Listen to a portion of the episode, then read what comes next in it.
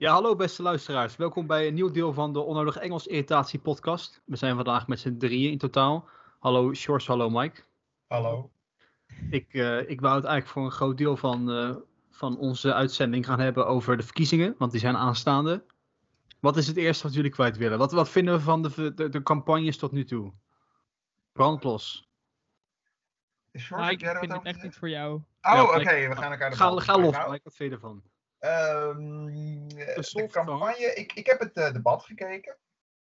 Om daar eens mee te beginnen, want dat zijn toch wel... het, het, het RTL-debat bedoel je dan, Mike? Eh, ja, er zijn niet heel veel meer debatten geweest die je kon kijken, toch? Nee, ja, dat is waar. goed punt. Ga verder. Ehm, dat we, die representeert. eh, nou ja, wat, wat, wat mij, mij en ook mijn familie wel eh, opviel, was eh, dat daar maar zes partijen stonden. Terwijl er eh, 35 meedoen en op dit moment, eh, hoeveel is het? 18 in de Kamer zitten?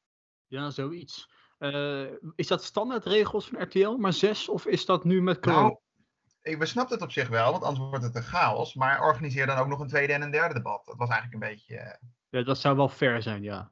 Ja. Ja. het was misschien wel fair geweest als ze zeg maar een... ehm, ja, dat, maar dat kan je ook weer zeggen, is dat dan wel fair? Maar een soort grote partijendebat, midden, middenmaat partijendebat en kleine partijendebat. Ja, zo. maar zo werkt ons electorale systeem op dit moment wel. Dus op zich is dat wel. Ik zou dat wel eerlijk vinden. ja. Maar wat Ja. vond je van deze?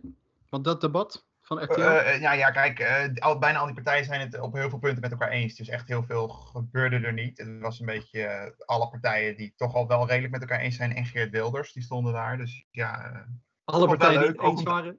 En Geert Wilders. ja, om het te analyseren vond ik het wel leuk. Voor, jij vond niet dat de mensen nog door de mand vielen? Of de, opeens heel erg sterk uitblonken? Eh, nee, eigenlijk, eigenlijk iedereen Nou ja. wel... eh, nou, Nou ja. Wat, wat, ik, wat ik wel Ja? vond, zeg maar, ehm, wie? wie? eh, is dat mij opviel dat ehm, als ik nu vandaag kijk naar peilingen, bijvoorbeeld D66 is plus drie zetels en dat wordt door sommige peilingen uit, uit- uit- uiteindelijk toegeschreven aan hoe goed Sigrid Kaag het blijkbaar deed bij het RTL-debat. Terwijl ik persoonlijk vond ik niet dat ze er allersterkst was. Mm, nou, nou ja, ze was wel goed. Ik bedoel, eh, ik ben Ze was wel geen goed. D66er, Maar, absoluut. ja, maar ze was wel goed. En ik maar heb daar zitten kijken. Nog wel heftiger. Vergeleken, Nou met ja. zoveel, met, vergeleken met zoveel jaar Rob Jetten was het wel weer verkeerd wat anders. Zeker. Dat Ze zeker. stond wel stevig in de schoenen. Beter, ze deed beter dan Hoekstra voor de, als je gaat kijken naar de mensen die het voor het eerst deden. Ja, wat ging er mis met Hoekstra? Hij, hij kwam zenuwachtig over. Hij kwam Hij, zenuw, eh, ja. Ik, hij, hij was niet zo goed eh, toen hij eh, voor eh, dat die twee ondernemers kwam niet te staan. Eh, Dat had hij moeilijk, inderdaad. had hij ja. moeilijk. Maar ja, kan je dan toch zeggen van Hoekstra is een hele goede bestuurder, maar voor zo'n voor zo'n rol is het misschien toch niet de juiste persoon? Of Hij is dat te kwam er niet- vroeg? Niet uit als een goede debater. Maar ik vind wel dat hij, hij mocht natuurlijk bij de nabeschouwing beschouwing aanschuiven. Hier Daar heeft, hij het, daar heeft hij het wel een beetje opgekrikt. Ik weet niet of de mensen daar ook naar gekeken hebben, maar ik heb daar wel naar gekeken. Ik heb het ook gezien, ja. Toen ging het wel een stuk beter, laat ik het zo zeggen. Wat vond jij van Hoekstra, Jos? Heb je, het heb je Hoekstra ook gezien? Ik eh, moet heel eerlijk zijn. Heb je ik alleen naar Kaag gekeken? Nee, het- nee, ik moet heel eerlijk zijn dat ik het RTL-debat helemaal niet eh, goed heb gevolgd. Dus eh, Ja, nu Het val spijt toch me. erg door de mand. nu val ik heel erg door de mand. Ja, ik heb ja. eh, niet, niet meer kunnen kijken vanwege andere dingen die ik nog moest doen. Maar Dus wat, wat vind jij, George, van de D66-campagne in het algemeen nu? En dan verder dan alleen dat eh, RTL-debat? Ehm, Doen ze het goed? Of kan het beter? nou ja, gezien dat we drie zetels in de plus staan ten opzichte van de eerstvolgende, totaal, zeg maar de eerstvolgende peilingen. Ja, in totaal 15. Oké, 15, ja. Ehm, dus dat, we staan plus 3 nu, eh, zeg maar. Dus dat is ehm, in mijn optiek wel goed. Ik denk dat we dat wel eh, ook kunnen gaan halen als ik dat zo inschat. Het enige is dat zeg maar het electoraat denk ik aan het verschuiven is. Want Want? D66 probeert nu nog steeds heel erg natuurlijk de onderwijspartij te zijn. Maar heel veel studenten die hebben toch wel een beetje het gevoel... ja, D66 heeft het gewoon in de steek gelaten.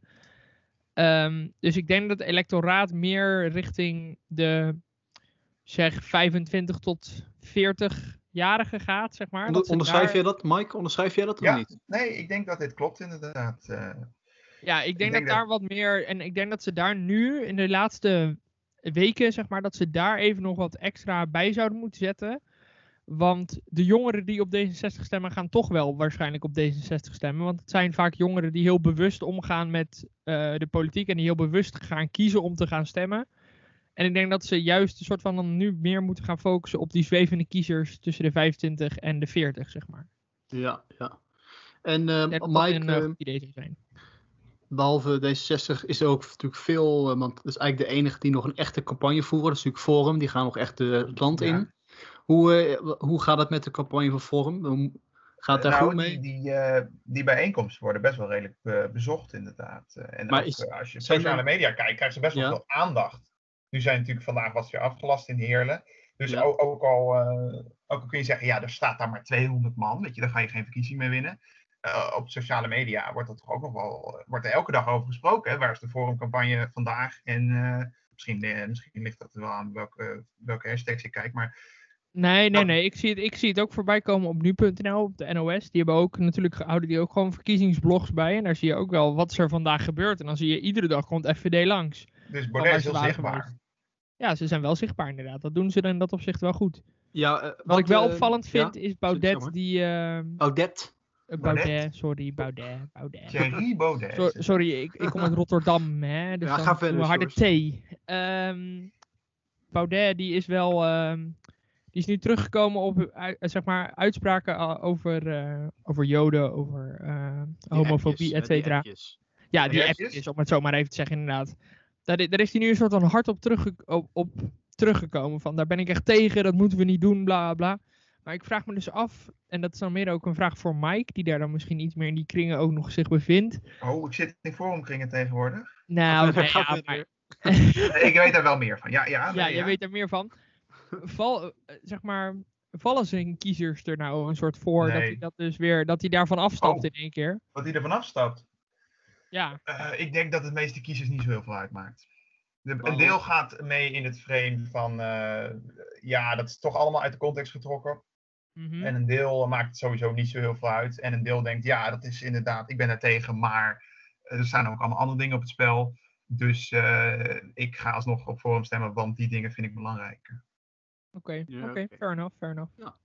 Mike, ehm, als eh, verkiezingsgeograaf eh, in opleiding, of zo maar even te noemen. Wat, eh, wat denk jij wat, eh, nou, niet, wil niet zeggen wat de uitslag gaat worden, maar wat, wat gaan ongeveer de getallen worden? Wat denk jij? Voor, Ja. alle partijen? Ja, daar vast wel over nagedacht. Ja, wat er nu, ik heb eh, daar inderdaad wat zijn de, welke verschuivingen gaan, jij, gaan wij zien, denk jij? Ik zie in mijn persoonlijke kring een, een val van de VVD en CDA. Hoe diep? Eh, Ehm, nou, toch wel mensen waarvan ik nooit had verwacht dat ze echt naar rechts zouden opschuiven. Maar die zijn opeens naar de PVV gegaan. in zetels vertaald? Hmm. Hoeveel? Eh, in zetels vertaald weet ik niet, want eh, het zijn twee mensen. Maar ik vond ze wel heel erg indicatief. eh, dus het is eh, super anekdotisch. Maar ik denk, als die mensen al naar de PVV gaan, wat is er dan aan de hand? Maar wel, blijft wel de grootste VVD, denk jij? Eh, ik zeg eh, 80% kans dat de VVD de grootste blijft. Ik hou er 20% kans rekening mee dat er toch echt wat anders gaat gebeuren. Oké, nou ga Ik denk verder dat dan. de VVD sowieso verliest. Ja? Ik denk dat de PVV sowieso stijgt. Ik denk dat de pijlers er niet heel goed bovenop zitten wat dat betreft. Ja? Daarna krijgt het CDA. eh, die, die zal heel licht dalen. Ja, ik denk ongeveer gelijk blijven, denk ik. Mhm. Eh, daarnaast D66 al. Ja, dat Nou, denk ja. ik wel. Ik denk dat George's analyse, wat er vier, vier, vier zetels verlies, of vijf zetels verlies. Klinkt Ja, zo- realistisch. Zoiets, ja. Eh, GroenLinks en SP, weet ik niet. Maar eh, er zijn pijlers die ze hele slechte cijfers geven. Dus, eh, GroenLinks ook, ja? Ja, ja, van 14 naar 9 voorspelt Maurice de Hond. Au, au, au, dat is wel... Dus eh, rond de 10 voor allebei. Ik denk dat ze ongeveer even groot gaan worden. Oké. Eh PvdA gaat uiteraard een klein beetje omhoog. eh, naar de 13 of zoiets. Ja, die, die 14, kunnen eigenlijk alleen 1, maar stijgen natuurlijk. Die staan- 12. En daarna kom je in het rijk van de mensen waarvan ik denk dat ze ongeveer gelijk blijven. Ja, de, ja, Misschien een zeteltje omhoog om, of, of omlaag. Denk blijft gelijk, SGP blijft gelijk. En Forum? en Christen, nee, daar kom ik zo. ja, ChristenUnie en goed. Partij van de Dieren die kunnen een zeteltje verschuiven. Denk. Nee, Denk blijft gelijk. Dat, eh, Denk kan wel eens last hebben van Forum als het gaat om de jongere kiezers. Ik denk dat Forum gigantisch onderschat wordt.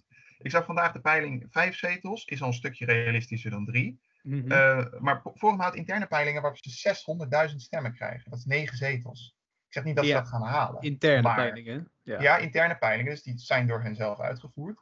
Maar er is dus wel een indicatie dat ze fors boven de vier eh, zitten. Ik denk dat je minimaal rekening moet houden met, eh, met zes zetels, minimaal. Is Baudet daar ook blij mee? Eh nou ja, Baudet wil natuurlijk altijd meer. Maakt niet uit hoeveel zetels hij heeft. Dus ja. ik, denk, ik denk voor een 7 of 8 zou zomaar kunnen. En ja 21? Eh, Ik denk wel dat jaar 21 het gaat halen. Tenzij ze ten prooi vallen van mensen die weglopen naar de PVV of de VVD. Dat zou kunnen.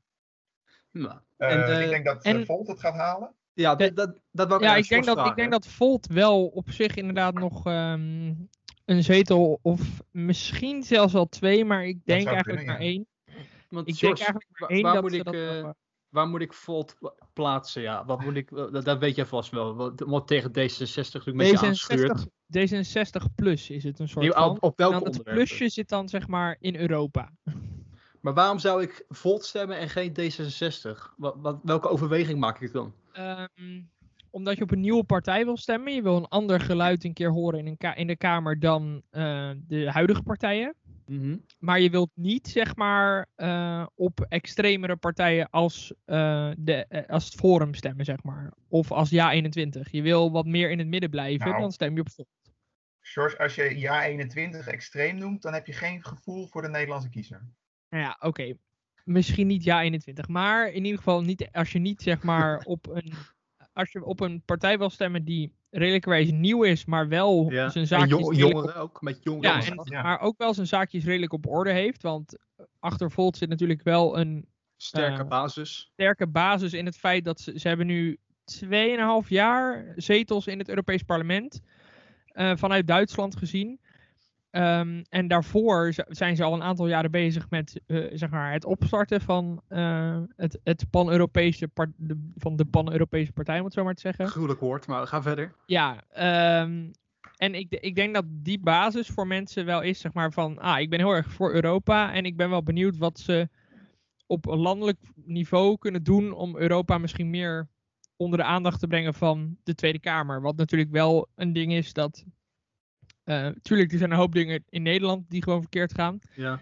Maar er gebeurt er ook zoveel op Europees toneel waar soms in de Kamer geen aandacht voor is. En ik denk dat Volt een soort van de, ver- de partij zou zijn die dat dan probeert onder de aandacht te brengen van de overige Kamerleden. Dus twee zetels is best realistisch.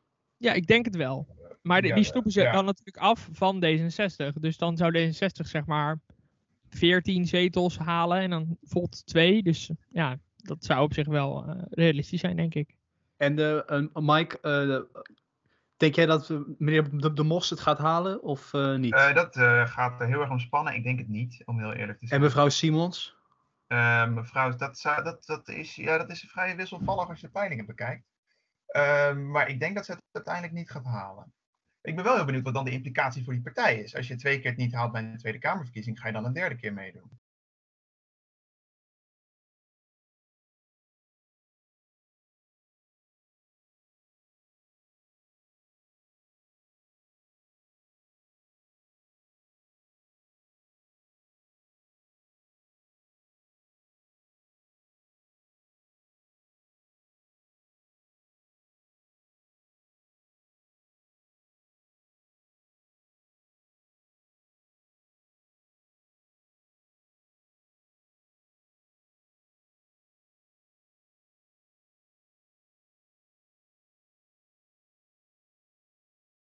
A21 is eigenlijk de oude forumbelofte hè, van een eh, liberaal-conservatieve partij. die, Mhm. kan- die over rechts kan regeren. Dat is de reden om op ja 21 te stemmen. Eh, als, je, als, je, als je Forum vroeger eh, een goede partij vond en nu niet meer, dan kun je Ja. op ja 21 stemmen. Maar het is wel zo dat ze, eh, ehm, ze hebben niet die energie die Forum had in 2017 of in 2019. Dat missen ze. Eh, we- ligt het aan de mensen? Ligt dat aan de, de Ja, inzet? dat ligt, dat ligt wel aan de mensen, ja. Als jij zit met een Joost Eertmans en een Annabel Nanninga, dat is, eh, die hebben toch een beetje een wat, eh, wat oudere en een beetje wat saaiere uitstraling. Die hebben niet de dynamiek van een Baudet. Nee, oké, dat is ook wel weer, eh, ook wel weer waar. Nou, is, verder nog? Moeten we nog verder iets kwijt over de verkiezingen? Wil jullie nog Ja, iets nee, ik wil ja? wel wat kwijt. Jij zei Volt als jongerenpartij. Ja? Maar als je nu de statistieken bekijkt, eh, dan is eh Forum voor Democratie de jongerenpartij. Dat, dat vond ik echt eh, heel opvallend. Dat, Ja, de rechtse NOS jongeren, of, of de jongen in het algemeen? nou, de- kijk, Fo- Forum heeft natuurlijk veel jongeren aan zich gebonden met de belofte om de lockdown op te heffen. Mhm. En de NOS zei, op dit moment is al, van alle stemmers van Forum 45% jongeren. 45% onder de 35. Dat, Dat is veel. heel erg veel. Dat was, in 2019 was het 25. Maar En dat- wacht ja. even, dan gaan ze er dus wel van uit dat die 25%, die, die mensen zeg maar, dat die dus wel gaan stemmen. En Nee. ik, ik ben dus heel erg sceptisch over hoeveel jongeren er nu daadwerkelijk deze keer gaan stemmen. Want ik zie niet echt een grote campagne of zo voor jongeren om te gaan stemmen. Zoals zeg vier jaar geleden wel is gebeurd. Was die er toen, ja? Ja, vier jaar geleden heeft volgens mij heeft Tim Hofman toen een hele campagne gevoerd voor jongeren om te gaan stemmen. En dat, dat duurde echt al Ja. Oké, twee, drie maar maanden als van tevoren. mensen die zich aan laten sporen door Tim Hofman om te gaan stemmen, gaan niet op Forum stemmen. Dat is waar. Zeker waar. Maar aan de andere kant, eh, het, ka- het YouTube-kanaal van hem heeft ondertussen volgens mij 600.000 abonnees of zo. Dus dat zijn toch aardig wat jongeren die er sowieso Nou, die ik denk, naar kijken. ik denk dat de jongeren wel gaan komen. Maar ik, ik ben wel, zet wel mijn vraagtekens bij eh, de rest van het electoraat. Ik denk dat de cijfers dit jaar wel heel erg laag gaan zijn van de opkomst. Nou ja, het zou eigenlijk interessant zijn om te kijken naar de andere coronaverkiezingen die er tot nu toe hebben plaatsgevonden. Volgens mij waren de cijfers daar niet per se heel erg laag, maar daar zou ik naast kunnen zitten. Eh, kijk, als, het, als de, de opkomst onder ouderen lager is dan normaal, eh, en die kans best reëel. Ik zie bijvoorbeeld ook de, de, de kans dat het, de opkomst onder linkse kiezers lager is dan normaal. Dan krijg je een hele andere uitslag. Dus Ja. het zou best wel eens een, een, soort jokerverkiezing kunnen zijn. Het wordt eh, erg interessant. En eh, ja, ik, ik zit nog uit te kijken naar wanneer is het volgende debat? Volgende week, zoiets? Toch? Zoiets volgens mij? Of, Ik eh, weet het niet. Dan ben ik heel benieuwd of Hoekstra zich herstelt. In de zin van, is hij nu nog zenuwachtiger? Omdat hij nu ook al gelijk zag dat in de peilingen CDA gelijk twee naar beneden dook. Of we- weet hij cool over te komen? Daar ben ik wel heel benieuwd naar. Ja, daar ben ik ook wel inderdaad benieuwd En ik ben naar. benieuwd of eh, Jesse Klaver weer gaat beginnen over een zus of over een broer. Dat soort, eh, dat soort, dat soort verhaaltjes, ja. Daar ben ik nooit zo van onder de indruk. Nee, maar ik zag dat niemand er echt van onder de indruk was. Hij werd eh, vrij algemeen afgestraft voor die opmerking. Ja, en eh, nog één ding dan over dat met, met Geert Wilders toen. Ja, moet hij wel. Ik snap het op zich wel voor zijn achterban dat hij inderdaad weer over Zwarte Piet begint. Maar ja, wij moeten er nu om lachen. Maar ik bedoel, moet hij dat, moet hij dat doen? Moet hij daar weer over beginnen? Moet hij dat doen? Nee, ik bedoel, dat moet hij zelf weten. Hij is eh, Geert Wilders. Ja, maar is dat slim om te doen?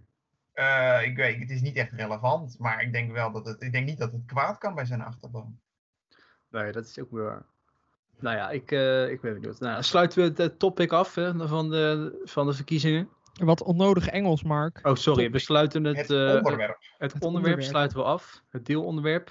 En we verrijken onze blik naar, over de oceanen, naar het buitenland toe. En als eerst kijken we eventjes naar Biden en Trump.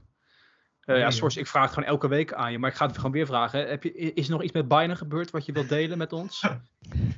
Ehm, Is er nog niet iets met Biden. Ik heb wel gehoord dat Kamala Harris in een ehm, supermarkt is langs geweest. En die supermarkt eh, dat, eh, die is eh, eigendom van Ahold Delhaize. Dus daar had Ahold Delhaize had daar een persbericht heel groots over gemaakt in Nederland. En daar, daar, heb er- jij ook alweer, daar heb jij ook connecties mee? Ja, ja, ja, maar dat, dat, dat dus de Amerikaanse vicepresident was langs geweest in Amerika. In dat is best significant. Ja, was best significant, maar dat ging over de. ehm, een van die supermarkten is blijkbaar ook vaccinatielocatie. Want die supermarkten in Amerika zijn natuurlijk ontiegelijk groot. Mhm. Dus daar hebben ze gewoon waarschijnlijk een deel van de paden afgezet en een vaccinatielocatie gemaakt of zo. Ehm, en daar kwamen ze kijken hoe dat ging en hoe dat ehm, allemaal verliep. Dus dat is op dit, dat punt wel interessant. Wat ik ook merk is dat de vaccinatiecampagne van Biden gaat wel redelijk gestaag. Volgens mij ook wel, hè? Aardig goed. ja. Ehm, ja, het enige wat je erop kan aanmerken eigenlijk is natuurlijk dat ze nog steeds langzaam gaan. En dat er nog steeds heel veel doden zijn in Amerika. Maar ja, het is en blijft Amerika. En zoveel Ik, ik, las dat, eh, daarover heeft Biden nou ook weer niet. Zeg maar. ik las dat de gouverneur van Texas gewoon alles heeft opengegooid. Zag ik ook inderdaad. Ja, want dat kan gewoon in Amerika natuurlijk. Die gooit gewoon alles in één keer open, ja. Ja. Waarom niet? maar goed, ehm, verder heb ik niet heel veel bijzonders. Nou, over Trump natuurlijk wel. Trump heeft natuurlijk Ja. een speech gehouden. Op de, wat, wat is het? Wat is precies? Ja, be- best wel belangrijk, toch? Die ja, eh, dat is het bijeenkomst. conservat- ja, dat is de grootste conservatieve conferentie eh, ter, wereld misschien wel. eh. En daar sprak Trump toch heel even mooi de woorden dat hij, eh, nou, dat hij nog niet uitgespeeld is, om het zo maar te zeggen. Een beetje wat wij al voorspeld hadden, hè? dat hij eh, Mhm. gewoon opnieuw gaat proberen in 24.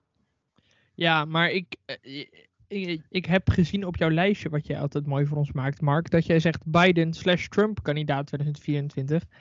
Biden gaat het denk ik niet nog een keer doen. Nee, dat heb ik gelijk. Ik denk Eh, dat, dat dan misschien dat Kamala Harris het gaat proberen als de hoofdmoot, zeg maar. Ehm, Ja, maar dat denk betwijfel ik ook, want daarvoor is hij niet een soort van gro- groot genoeg partijprominent misschien nog. Dat denk ik. Ja, goed. ja. Dat Nou, zou kan- over vier jaar wel anders kunnen zijn, hè? Je kan Dat al eerst anders een, eh, eerst een kunnen. weddenschap doen of Biden überhaupt nog leeft over eh, drie jaar. Maar dat is, Dat is een, dat is een ander verhaal. Maar ik snap inderdaad wat jij bedoelt, ja. Of, of ze dan Harris naar voren schuiven. Ja, Maar vanuit ehm, het idee, ze is vicepresident geweest. ja, Nu kan ze de eerste vrouwelijke zwarte Amerikaanse president worden. ja. En eh, oh, wou jij nog iets kwijt, Mike, over Trump of niet? Over dat Trump. Die, dat hij daar... Nou eh, ja, dat de Republikeinen blij mogen zijn dat hij geen eigen partij op gaat Ik zat naar zijn speech te luisteren. En het voelde op een of andere manier gewoon een beetje als, als thuiskomen. Ja. het, voelde, het voelde heel her- her- herkenbaar. De, de manier van spreken, die, die stomme grappen tussendoor, de interactie Ja, met ja. het publiek. Je hoeft er alleen een greenscreen toch- achter te zetten en dan op de greenscreen gewoon zeg maar, het witte huis projecteren Ja. en dan ben je klaar. Maar ik vond ook dat hij er ook weer wat. Hij zag er ook weer wat uitgeruster. Ik vond hem. Hij, hij kwam ook weer een beetje opgeladen over. Alsof hij er echt gewoon weer klaar voor was. Nou, hij heeft Dus, nog een paar eh, jaar om zich op te laden. Ja, dat heeft hij zeker. Ik ben, de- ik ben heel benieuwd hoe dat gaat uitpakken met hem. Zeker ook om te kijken hè, of er nou. Want we, we weten allemaal de cijfers, hè, dat hij nog gigantisch veel steun heeft in de Republikeinse Partij. Ja. Maar het gaat natuurlijk vooral om over hoe die prominenten, hoe die, eh, hoe, hoe die Nou. tegen hem aan, wat die met hem gaan doen. Gaan ze hem boycotten? Gaan ze er gewoon mee samenwerken? Eh, gaan ze hem inzetten voor hun eigen campagnes? Dat, eh, dat, dat, dat, wordt nog eventjes wat. Maar wou, je, niet wat zeggen, Mike? Ik dacht je wat... Nou, nee, ja, nee, dat, kijk, bij die voorverkiezingen gaat het natuurlijk over de, de registered voters. En die, Ja. die steunen Trump. Dus als hij gewoon meedoet aan de voorverkiezingen, dan kan hij wel weer presidentskandidaat worden. als de Republikeinse Partij hem naar voren schuift. Maar hij kan zelf kiezen om mee te doen, of niet? Is dat zo? Dan moet je toch voor... ik dacht dat je daarvoor echt gewoon eerst geaccepteerd moest worden door de partij. Dat, Ja, nee, eh, dat zijn de voorverkiezingen waar Mike het over heeft. Ja, maar je wordt, voor, je wordt voorverkozen door de mensen die zich hebben ingeschreven als Ah, oké. Oké, oké, dat is goed. Mm. Als jij het zegt, dan, eh, dan geloof ik dat. Oh, ja, ja, tenzij we op mijn verkeerde informatie varen. Maar je had nog een ander land, toch, eh, Mark? Of- Ja, dat, daar kwam ik nu bij. eh, het is weer tijd voor jouw eh, politieke updates. Mijn politieke. Ja, het is jouw politieke update. Dat is we vorige keer het even over Italië gehad, Daarvoor hebben we het over eh, Duitsland gehad. Duitsland gehad. En ja, vandaag Spanje. Spanje. Vertel, wat is, eh, de Gaan de grote situatie, Europese landen af. wat is de situatie in Spanje op dit moment? Nou, dus, ja, Spanje heeft een paar jaar geleden natuurlijk eh, verkiezingen gehad waarbij de Sociaaldemocraten, de PSOE, eh, zal ik ze maar even noemen, ehm, hebben gewonnen en een regering hebben gevormd met s- hard linkse, om het zo maar te zeggen, Podemos. Ja. Dus Spanje heeft een hele linkse regering eigenlijk. Ja. En, eh, maar ja, Spanje is een, eh, altijd al wel een vrij verdeeld land geweest wat dat betreft. En rechts-Spanje is zeer zeker niet tevreden over de huidige koers. Ook omdat links-Spanje eigenlijk steeds aanstuurt op confrontaties. Eh, laatst is het eh, laatste standbeeld van Franco weggehaald. Franco weggehaald, ja, ik heb het gezien. Poorten van Mejia. En ehm, eh, er is in dus ook afgelopen najaar, in december was dat, berichten naar buiten gekomen dat legerofficieren eh, serieus aan de koning verzochten om het kabinet eh, te ontslaan en eh, een nieuw kabinet aan te stellen. Dat is meestal geen goed voorteken.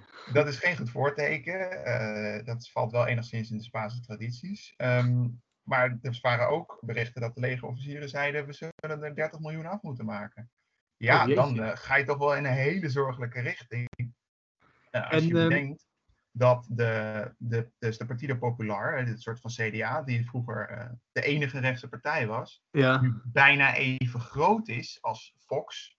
Een soort eh, PVV, eh, FVD van Spanje, maar Ja. dan PVV, FVD op Franco-steroïden. Dus dat is een van de meest rechtse partijen van Europa, die gewoon richting de 20% gaan in dat land. en hoe in dit...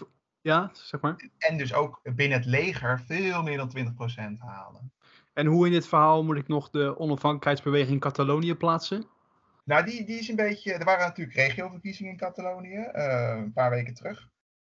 Eh, waarbij, waaruit bleek, nou ja, de, de separatisten winnen in principe nog wel gewoon eh, de helft. Maar ze moeten niet proberen nog een keer van Spanje weg te gaan, want het wordt gewoon de kop ingedrukt. Ja. Die telheid en die strijd die er echt was, is een beetje uitgesudderd. Wat natuurlijk ook, ook in Catalonië de opvallende eh, uitslag van de verkiezingen was, was dat Fox de derde of vierde partij was. Dus toch ook rechts gewoon echt. Ja, maar dat zijn dus Spanjaarden die in Catalonië wonen. En die kost wat kost willen dat Catalonië bij Spanje blijft. Dus die gaan voor de partij die echt keihard staat voor hè, Spanje, ja. Un- Una grande libre zou ik bijna willen zeggen. en, eh, en dus gewoon op Fox stemmen. En ook daar, ehm, huizen voor militairen stemmen Fox. Als je in Barcelona de verkiezingskaart bekijkt. Ja, dat is duidelijk te zien. Ja, dat is, je, je ziet groene stipjes. Je denkt, oh, wat, is, wat is dat? Klik je op. Is het een pension voor militairen of een barak eh, van de Guardia Civil of iets dergelijks? En daar wordt Fox gestemd. Ja. Dat is wel leuk als je dat zo kan, eh, zo kan terugzien. Ja, dat is een van mijn hobby's. eh. Heb jij, daar, echt- heb jij daar echt in verdiept, George, of niet? Een beetje in Spanje, politieke situatie. Spanje, politieke situatie is totaal niet mijn ding. Maar zit daar dan bijvoorbeeld ook een Volt in Spanje, George? Weet je Eh, dat? ja, Volt is in theorie in alle eh, Europese landen actief. Eh, dus ik zal even heel snel zoeken. Volt Spa España. Ik heb er natuurlijk geen idee van. Ja. Volt España bestaat hoor, zeker weten. Hebben ze iets van een zetel ergens of iets? Ik denk het haast van niet. Ehm, nee, want ik, de- ik, denk dat ze nog bij de laatste verkiezingen waren ze denk ik nog niet in Spanje. Eh, misschien een lokale, maar ik zie die zo even snel niks. Maar ze zijn er wel actief dus. Ze zijn er wel actief, ja. Ze zijn, ja, Nou, misschien is het wel, stel het lukt ze in Nederland, misschien is dat ook wel een soort van beginpunt om ook in andere landen, hè, met, ook met nationale verkiezingen mee te gaan doen. Misschien Mhm, is het ook mhm. wel een beginpunt voor andere politieke stromingen om ook een pan-Europese partij op te zetten. Ja, dat zou ook kunnen. Een, een, een Europees Fox, om het zo maar te zeggen. Ja, ik zie dat inderdaad van de nationalistische hoek natuurlijk niet zo snel gebeuren. Hoewel ze er wel baat bij zouden hebben. Ik las trouwens nog even snel iets anders dat vandaag eh, de partij van Orbán uit de, de, de Uit de Europese fractie ge- gestapt is. Ja. Maar, maar hoe, hoe, hoe gaat het dan verder? Gaan ze dan Ja, zelf? bij een andere. Wel, welke andere gaan ze dan? Wel- welke welke Eh, andere wil ze nog? Eh, ik, de- ik denk dat. eh, zou de ECR ze niet gewoon willen? Die, ken je die een beetje, George, of niet? Wat, welk- wat- wat- Mm, ik vind het moeilijk, want ze paste heel goed bij de, de EVP, als, het, als ik dat een goede Nederlandse afkorting heb. Ja, dat is, ik gebruik Ja. Engels inderdaad. klopt, ja, precies. Ehm, daar passen ze eigenlijk heel goed bij, want daar zaten ze volgens mij ook met eh, Baudet natuurlijk, eh, Ja, zeg en, maar in eh, dezelfde stroming. En de SGP toch? Ook? Ja, inderdaad. Ehm, maar het is een beetje lastig. Ik, ik denk eerder dat ze onafhankelijk blijven. Dat kan. Dat kan. Eh, dan behoor je wel tot een heel select klein groepje onafhankelijke eh, onafhankelijken. Ja, Eh, maar EVP is CDA, George. Is EVP CDA, zeg ik dat nou verkeerd? Ja, dat zeg je verkeerd. En jij bent hier het Europese mannetje. Ja, dat weet ik. Erg hè? Ehm, ah, ik maakt niks uit. maar eh, ja, het, eh, en ik Dan gaan ze onafhankelijk dus, verder. eh, ja, dat, dat denk ik, dat ze dat gaan doen. Eh, want ik denk dat dat ja, misschien toch beter bij ze past dan... Ja, of ze worden dus nu in die van Forum geaccepteerd. Waar ze dus Dat nu... is eh, volgens mij de ECR. Ja, dat is inderdaad... eh, Even kijken, ik ben nou meteen aan het zoeken natuurlijk. we verdrinken in de afkortingen. Ja, de ECR inderdaad. De part- Partij van Europese Conservatieven en Hervormers, om het zo maar te Daar zeggen. zijn ze nu uitgezet of willen ze daar nu graag bij? Nee, Daar daar gaan ze naartoe, denk ik hoor. Dat, Ja, dat eh, denk ik ook. eh, Voordat het een grote Babylonische spraakverwarring wordt. Even kijken. Ze verlaten de center-right group. En dat is dus de European People's Party, dus de EPP. Oftewel, ik zei het wel goed, de Europese Volkspartij. Daar zijn ze uitgegaan. ja. Eh, EVP. En daar pasten ze redelijk goed bij, want dat is zeer conservatief in theorie. In theorie met CDU en CDA en Dus Ja, in, the- in maar- theorie dus. Zijn ze- in theorie ze- is die groepering in het Europees Parlement voor Europese begrippen conservatief. oh, Die houden nou, vast aan- Europa niet zo. Nee, die houden redelijk vast aan de status quo op, in het Europees Parlement. Ehm, Oké. Maar de ECR, waar Mike het over heeft inderdaad, die zijn nog conservatiever. Maar die zijn ook eurosceptisch. Dus daar passen ze misschien wel beter bij. Oké, dus daar, die optie hebben ze dan. Nou, oké. Ja. SGP en FVD. Nou, eh, naar onze stand. Ik heb deze er even ingezet, maar we gaan nu natuurlijk naar onze standaard eh, onderwerp. Dat is vandaag in de geschiedenis. Gelet op de tijd ook. En eh, Ja. Het is vandaag eh, 3 maart. Nee, en van, we gaan naar 1919, Mike. We gaan naar de vrede van Brest-Litovsk. Ja, best wel significant. pijnlijk maar noodzakelijk. eh, Ja, eh, oh, dat, eh, ja, ik weet de cijfers niet precies, hè, maar het, eh, laten we zeggen, het, eh, het Rusland van Lenin, dat verloor erg veel. Ja, dat verloren eh, eh, Oekraïne, Wit-Rusland en de Baltische gebieden. Polen waren ze eigenlijk al kwijt. Industrieel Eh. potentieel. Heel veel. Industrieel, ja. ehm, niet, niet de belangrijkste gebieden, maar wel, eh, wel belangrijke gebieden. Het gaan van Oekraïne. Ja, ook niet het belangrijkste graanveld van Rusland, maar het, inderdaad het gaan van Oekraïne. Steenkolen, eh, heel veel bevolking natuurlijk ook. Maar ja, Ehm, daar werden ze toch mooi gered door de vrede van Versailles. Want die heeft natuurlijk het verdrag weer, on, eh, weer nietig verklaard. Gewoon weer Ja, maar teruggedraaid. we vergeten vaak hoe Ja. lang daar nog tussen zit en wat er allemaal tussen is gebeurd. De Want? van Mhm. Brest-Litovsk was eh, voor de Russen was dat echt een trauma. Mhm. Dat ze dat allemaal af moesten staan. En dat is wel mooi de reden dat die burgeroorlog is uitgebroken in Rusland.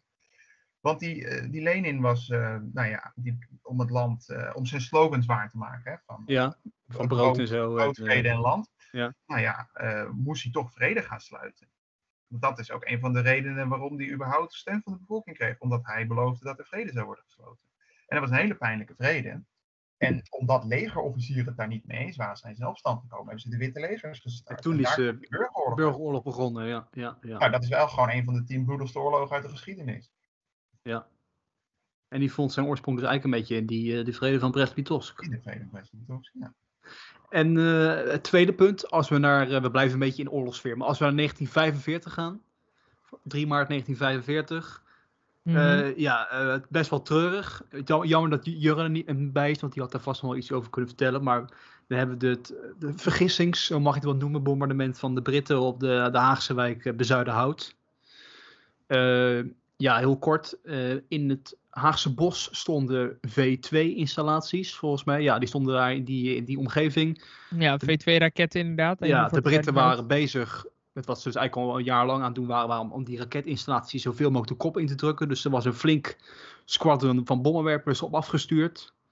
Maar die kregen, als ik het goed herinner, misschien kan George maar aan, aan verbeteren, maar die kregen verkeerde orders, zoiets, verkeerde coördinaten. Volgens mij kregen ze inderdaad verkeerde coördinaten. Zeg maar, hoe het volgens mij, wat ik ervan heb begrepen, hoe het ging in de Tweede Wereldoorlog, is dat ze coördinaten doorgekregen. En dan telden ze, zeg maar, volgens mij in hun hoofd af van 3, 2, 1, nu moet ik mijn bom gooien. Zeg maar, zo'n idee. Nou, je had, En- wel, je had wel apparaten om mee te mikken, maar het is ongeveer wel eh, een beetje hoe het ging. Ja, het was allemaal nog Ja, niet eh, zo Het was allemaal geavanceerd. nog niet heel specifiek natuurlijk. En eh, ze kregen, volgens mij was het een combinatie van verkeerde eh, coördinaten krijgen. En wind. En dat volgens mij dat het de wind niet goed Ja. stond, inderdaad. En dat daardoor is het op eh bezuid, oh, echt een soort midden in bezuidenhout Ja, terecht heel triest. 550 doden, nog gigantisch veel meer eh, gewonden. Doet, doet wel een beetje, niet, misschien niet helemaal in de, in de getallen, maar wel natuurlijk aan het idee doet het helemaal je denken aan in Rotterdam. En eh, Die nog ook nog eh ja, die zijn ook- gebombardeerd. Hè, Rotterdam zelf. oh, inderdaad. Mhm. Persoonlijk feitje is dat mijn, eh, mijn oma, die woonde in Bezuidenhout met de familie, die verloor een huis door het, eh, door het bombardement. Nog een persoonlijk feitje. En, maar het, het valt wel op dat, ja, dat is een beetje natuurlijk het probleem met Nederland, dat wij eigenlijk een soort van, als je vanuit Engeland komt, zijn wij als het ware de ingang naar Duitsland, om het zo maar te, te Mhm. zeggen, dat er best wel veel van die vergissingsbombardementen hebben plaatsgevonden in Nederland. Hè? Het einde van de oorlog. Je hebt er volgens mij nog eentje in, wat is het Mike, in, in Zwolle heb je er eentje? Toch? Of in... eh, Eh, in, in welke Of oostelijke in? Arnhem. Arnhem is er één geweest, ja. Ja. Een zware. Je hebt een paar volgens mij in Zeeland, waar het ook een paar keer is misgegaan. En natuurlijk ook een paar keer met het idee van eh, bijvoorbeeld, eh, ja, of het was van we zijn al in Duitsland, gooi er maar uit. Of we gaan het niet halen, dus doe maar zoveel mogelijk schade, dus doe nu de luiken maar open. ja. Met, eh, met, met, met, met die instelling. En misschien raken we nog wat nuttigs. Ja, nou, wel pijnlijk natuurlijk. Weet niet. eh, ja, daar, daar kapitaliseerden de Duitsers op. Hè? Met van je Ja. vrienden moet je het hebben, met die posters. Daar werd inderdaad Ja. flink propaganda ook van gemaakt. Ja, de NSB zat er ook bovenop. Ja, is dat zo? Ja, de NSB die, ge- die gebruikte dat ook wel eh, om aan te tonen dat, eh, dat het niet de Duitsers waren die eh, het het slechtste met Nederland voor hadden. Ja, ik, eh, ik weet ook wel. Ik, ik heb eigenlijk niet gelezen. Voor mij is er niet destijds voor Bezuidenhout direct een excuses van de Britten gekomen. Voor mij heeft het nog wel een paar jaar geduurd ook.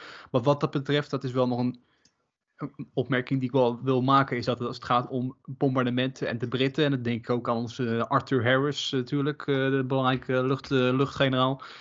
Eh, als het gaat om bombarde- bombardementen, ze hebben de Britten nooit zo snel dat ze hun fout willen toegeven of excuses maken.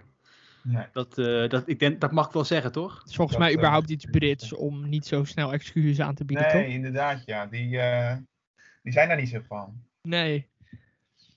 Nee, maar ja, als het natuurlijk om zulke getallen gaat, waar gewoon heel veel mensen overleden zijn, dan moet je die fout, dan natuurlijk moet je gewoon, dank, we zijn ontzettend dankbaar voor hun ongelooflijke hulp in de oorlog, maar dat soort fouten moet je ook gewoon ruiterlijk toegeven, vind ik. Want ja, dat, dat gaat mag wel op zich. Inderdaad. dat zou op zich natuurlijk wel mogen, ja. Zeker. Maar ja, eh, is er nog iets wat jullie kwijt willen, zo aan het einde van de podcast? Nog iets? Is er nog een vraag van een, eh, van een luisteraar? Ik heb geen vraag ontvangen. Ik heb ook geen vraag ontvangen. Heb jij een vraag ontvangen, Sjors? Ik heb ook geen vraag ontvangen, jongens. Het Nou, dan gaan we me. vragen of de luisteraars voor volgende week even een vraag willen insturen. Dat mag nog over de verkiezing, want als we, het, als we bijvoorbeeld volgende week weer een nieuwe podcast doen, dan zijn de verkiezingen nog niet geweest. En eh, verder wil ik jullie natuurlijk weer ontzettend bedanken dat jullie weer gesproken hebben met mij Graag in gedaan. deze, in deze Jij podcast. ook weer bedankt, hè, Mark. Alsjeblieft, George, alsjeblieft, Mike. En dan wens ik de luisteraars, bedank ik natuurlijk ook voor het luisteren en ik wens iedereen nog een hele fijne avond.